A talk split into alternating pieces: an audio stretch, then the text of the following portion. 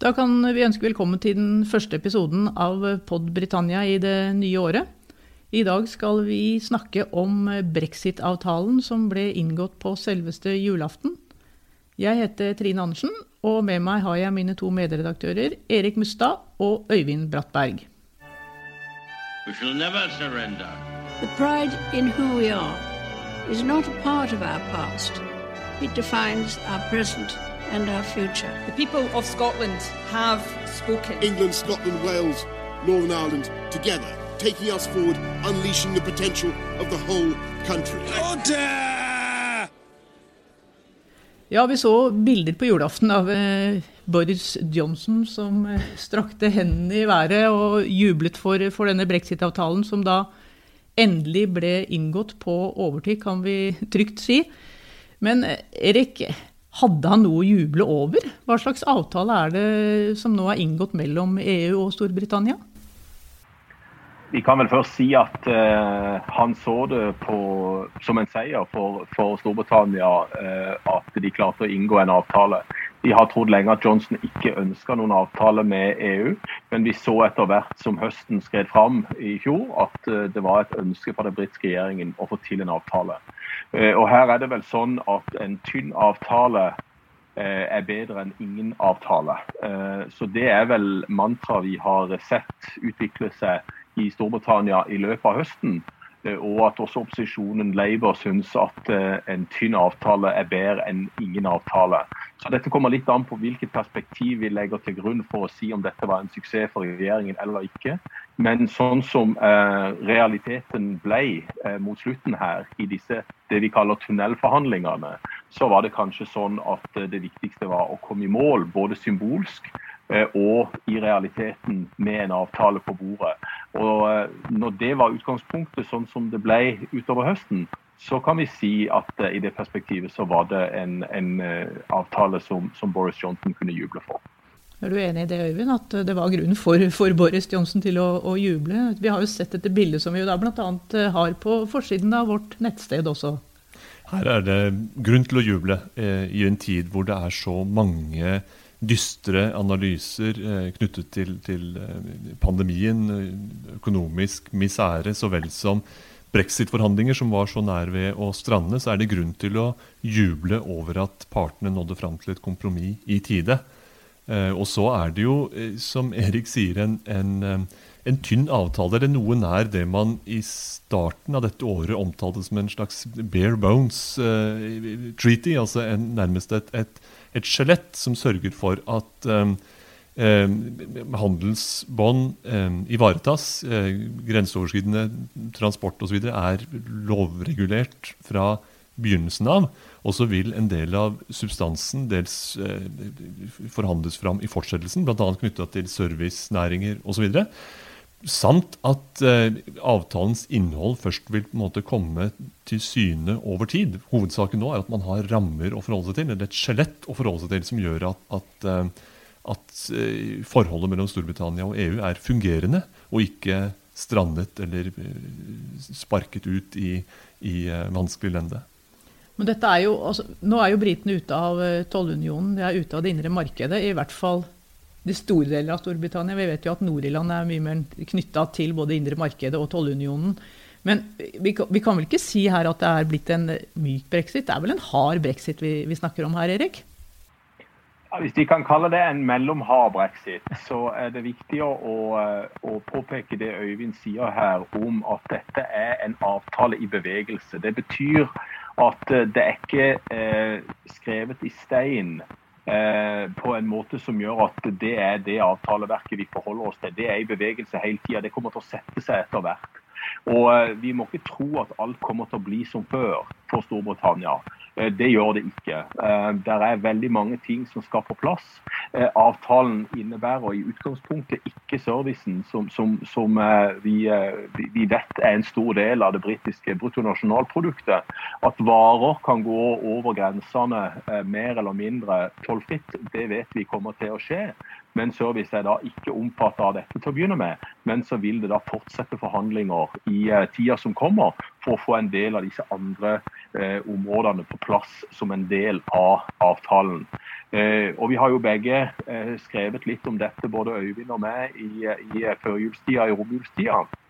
At EU enda har et ganske klart grep over hva Storbritannia må forholde seg til hvis Storbritannia ønsker tilgang til det indre markedet. Nå er til Nord-Irland som selvfølgelig har en egen avtale eh, om å enda være knytta til EUs indre marked eh, pga. grensa på den irske øya, som det har vært så veldig mye snakk om i brexit-forhandlingene. Så avtalen er flytende. Eh, alt blir ikke som før. Men nå får vi se når dette får satt seg og forhandlingene fortsetter på en del av disse andre områdene, hvordan realitetene blir, både for EU og for Storbritannia. Ja, Når du snakker om service og tjenester som da ikke er omfattet av, av denne avtalen, hva er det egentlig vi snakker om da? Er det f.eks. Eh, hvordan The City skal samhandle med, med EU, Øyvind? Det gjelder jo særlig finanssektoren, ja. Eh, bank og, og finans. Tjenesteytende næringer er jo en, en, eksportvinner for Storbritannia og favner jo om eh, to tredeler omkring av, eh, av verdiskapningen. Eh, og det er kjempeviktig at, eh, at, at, disse næringene i størst mulig grad kan samhandle med, eh, med EU og EUs indre marked. Og der er det virkelig slik at uh, prosessen ligger foran oss snarere enn en bak oss. For her skal det uh, Her ligger ting uh, på Altså de, de, videre rammene ligger, ligger på vent, foreløpig preget av gjensidig velvilje. Men nøyaktig hvordan det vil, vil se ut over tid, det må vi vente og se. Og Det er dels et spørsmål om konkrete reguleringer, konkret markedsadgang. Og så er det et spørsmål om hvordan aktørene, eh, f.eks. store forsikringsselskaper, banker osv., hvorvidt de anser London for å være like konkurransedyktig som før. Altså de blir værende i, i City, eller om de flytter til, til eh, Frankfurt, Paris, eh, andre av eh, andre europeiske storbyer som håper på noe av den samme rollen som London har i dag, som en sånn et, et nav for finansvirksomhet i, i, Europa. Men her er det jo, det er jo Debatten kommer til, å, kommer til, å, fortsette, og bevismaterialet kommer til å strømme inn i årene som kommer. så Ingen må, må tenke at, at, punktum er satt for den verdikampen og den svære debatten om, om Storbritannia skal eller ikke skal være en del av EUs eh, nedslagsfelt. Eh, hva det innebærer å kobles fri fra EU, vil vi, eh, vil vi se over tid. Og Dette med Nord-Irland er jo også et, et, veldig konkret eksempel på, på at man må, må, må, vente og se. Enn så lenge så, så vil eh, varehandelen mellom Nord-Irland og resten av Storbritannia være ganske ukomplisert. Men etter hvert som Storbritannia etablerer andre standarder enn EU, så vil også handelen over Irskesjøen floke seg til eh, potensielt. Så de, de, knuter på tråden og de vanskeligheter som måtte oppstå internt i den britiske unionen mellom eh, Nord-Irland og hoveddelen av Storbritannia, størsteøya i Storbritannia, det vil man også måtte se etter hvert. Eh, det prinsipielle problemet ligger der, og så gjenstår det å se hvor mye substans og hva slags substans det blir eh, ved det over tid. Ja, selv om Boris Johnson eh, vel ikke helt vil si det klart, så er det vel ingen tvil om at vi nå har fått en grense i Irskesjøen?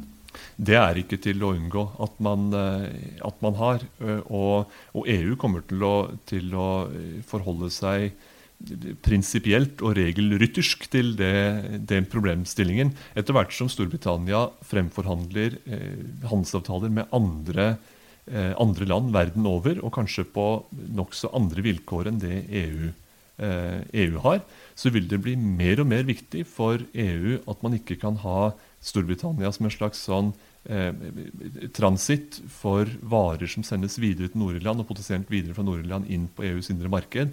Der vil, være, vil, EU være opptatt av å trekke en klar grense, og den grensen vil være i, eh, i Irskesjøen. Så der er grensekontroller et, vil være et faktum, selv om man da har grensekontroll internt i et land. Eh, all den tid Nord-Irland fortsatt er en del av Storbritannia. Men det har i hvert fall da blitt mulig her å, å opprettholde denne sømløse grensen som det har vært snakket så veldig mye om, Erik, på, på den irske øya mellom Nord-Irland og EU-landet Irland. denne utrolig viktige grensen, den, den, blir i hvert fall holdt åpent nå på, med den løsningen som er valgt? Ja, Med å legge grensen eh, i Irskesjøen, så har man da prioritert å holde grensa til Irland åpen. Og gi Nord-Irland en spesiell posisjon eh, i den nye avtalen.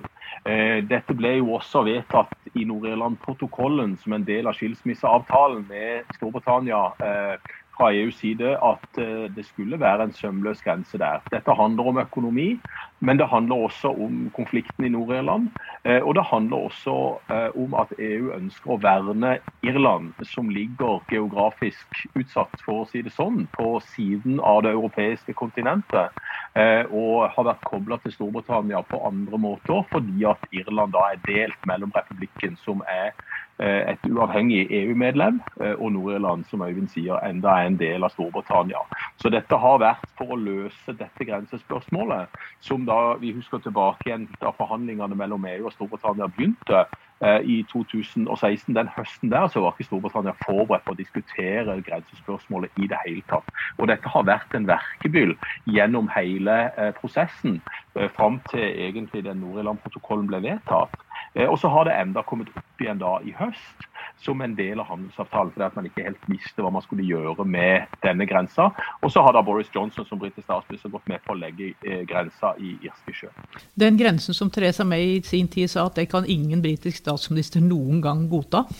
Ja, og det er jo det som er paradokset her. At eh, Storbritannia sto jo hardt på mange av disse kravene, deriblant grensespørsmålet at eh, Nord-Irland kan ikke behandles annerledes enn resten av den britiske unionen. Eh, og så gjorde Boris Johnson det, fordi at han så ingen annen vei utenom. Eh, for å få til en avtale med, med EU. Eh, og Han klarte å åpne den skilsmisseavtalen igjen eh, gjennom, gjennom, forhandlinger høsten 2019. Og nå står han på det enda. De gjorde ikke noe med Nord-Irland-protokollen. Nord-Irland er annerledes enn resten av Storbritannia, selv om Theresa May sa akkurat det du sa, at ingen britisk statsminister kan gjøre det. Men nå vet vi kanskje at Boris Johnson ikke er noen typisk britisk statsminister. Nei, det kan vi i hvert fall slå fast. Men du, skal vi bare snakke litt også om, om Skottland?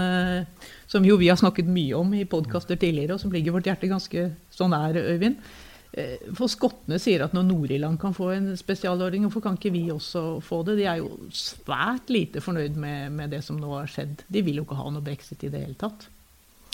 Det, det som har inntruffet med, med Nord-Irland, vil jo følges med stor interesse for, for um, Skott, Skottlands del også som et slags eh, trappetrinn mot det skotske nasjonalister ser på som en, en, en fremtidig rolle som, som, selvstendig stat. Hvordan ville man da forholde seg til, til England, eller England og Wales, da, i, i praksis?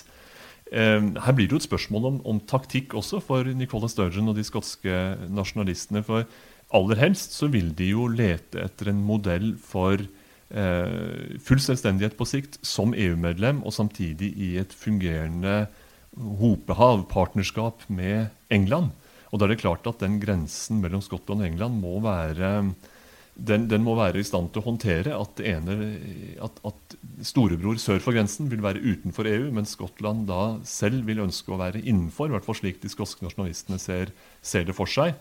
Um, Nicola Sturgeon spiller jo på en konfrontasjon mot London, uh, og er nok tjent med at, at, brexit har faktisk nå trådt i kraft, og at du kan vise til at dette var ikke noe vi ønsket. Det finnes dog modeller for å komme ut av denne elendigheten og, og finne vår selvstendige plass.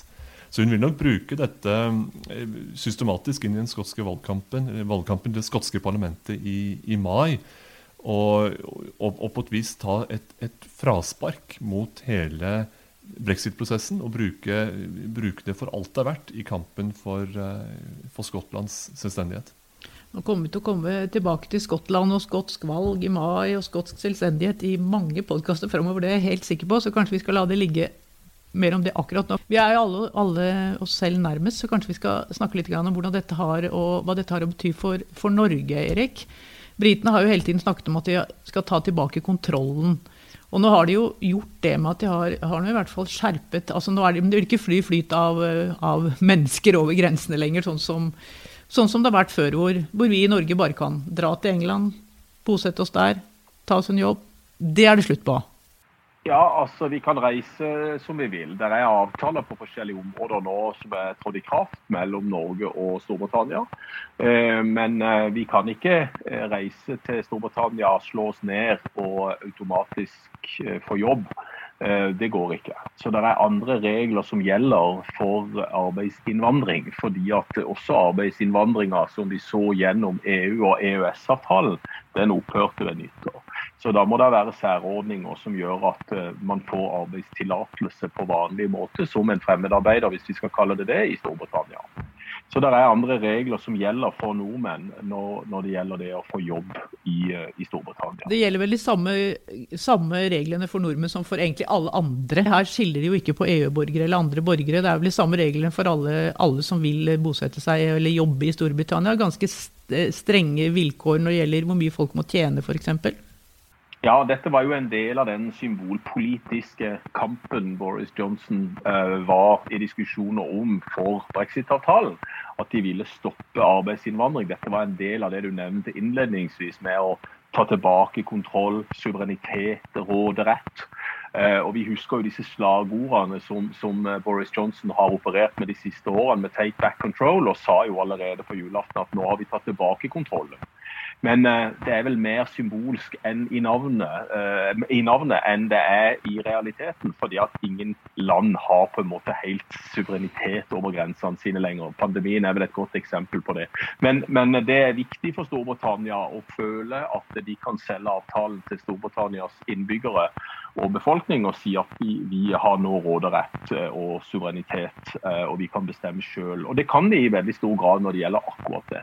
Ja, men hvor viktig er det for, for, eh, for Norge at denne brexit-avtalen ble inngått? Er det sånn at den blir speila gjennom EØS-avtalen vi, vi, har? Eh, det var viktig for Norge at eh, Storbritannia og EU fikk på plass en avtale. Det har vår egen utenriksminister understreka flere ganger, at for EØS-landene så var det viktig at det kom en avtale på plass.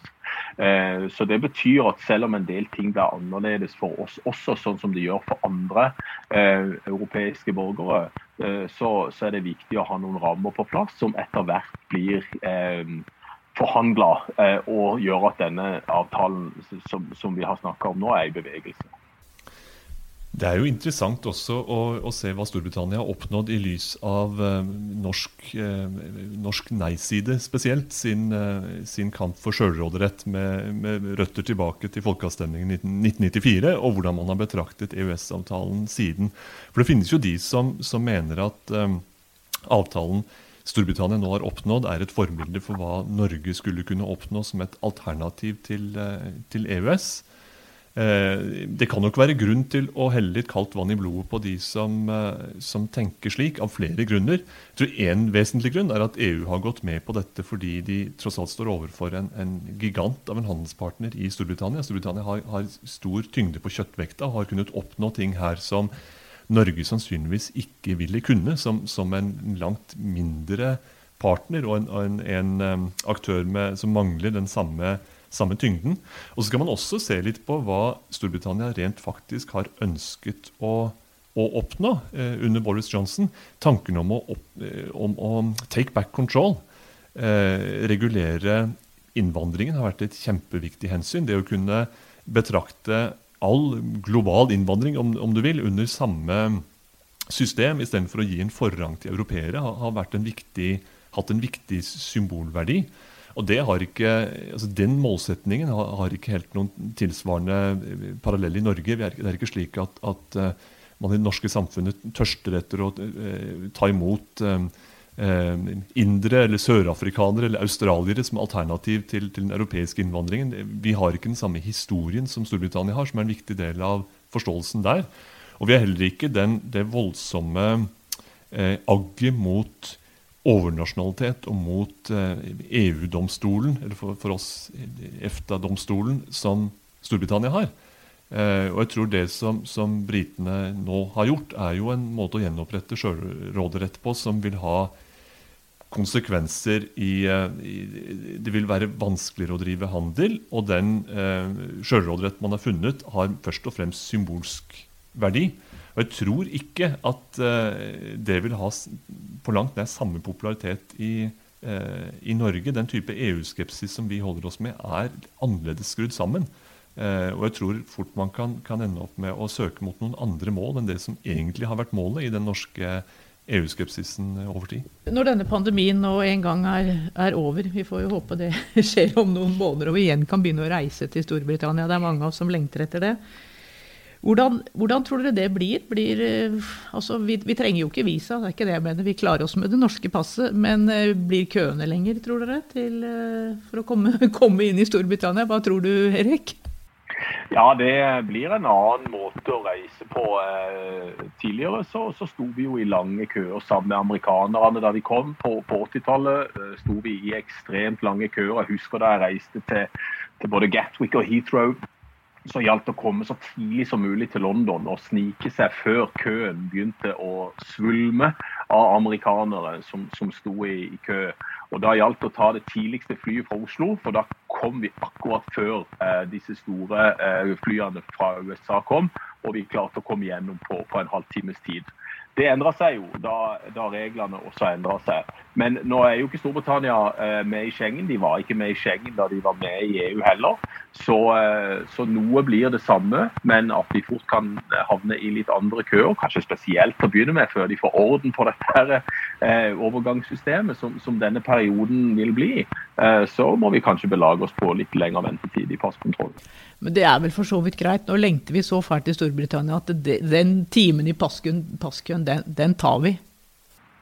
Ja da. Vi, eh, vi, som er glad i Storbritannia og drømmer om å reise tilbake igjen så, så fort det lar seg gjøre, vi eh, kan vel eh, se på det som en slags karantenetid i, i disse tider. We shall never surrender. The pride in who we are is not a part of our past. It defines our present and our future. The people of Scotland have spoken. England, Scotland, Wales, Northern Ireland, together, taking us forward, unleashing the potential of the whole country. Order!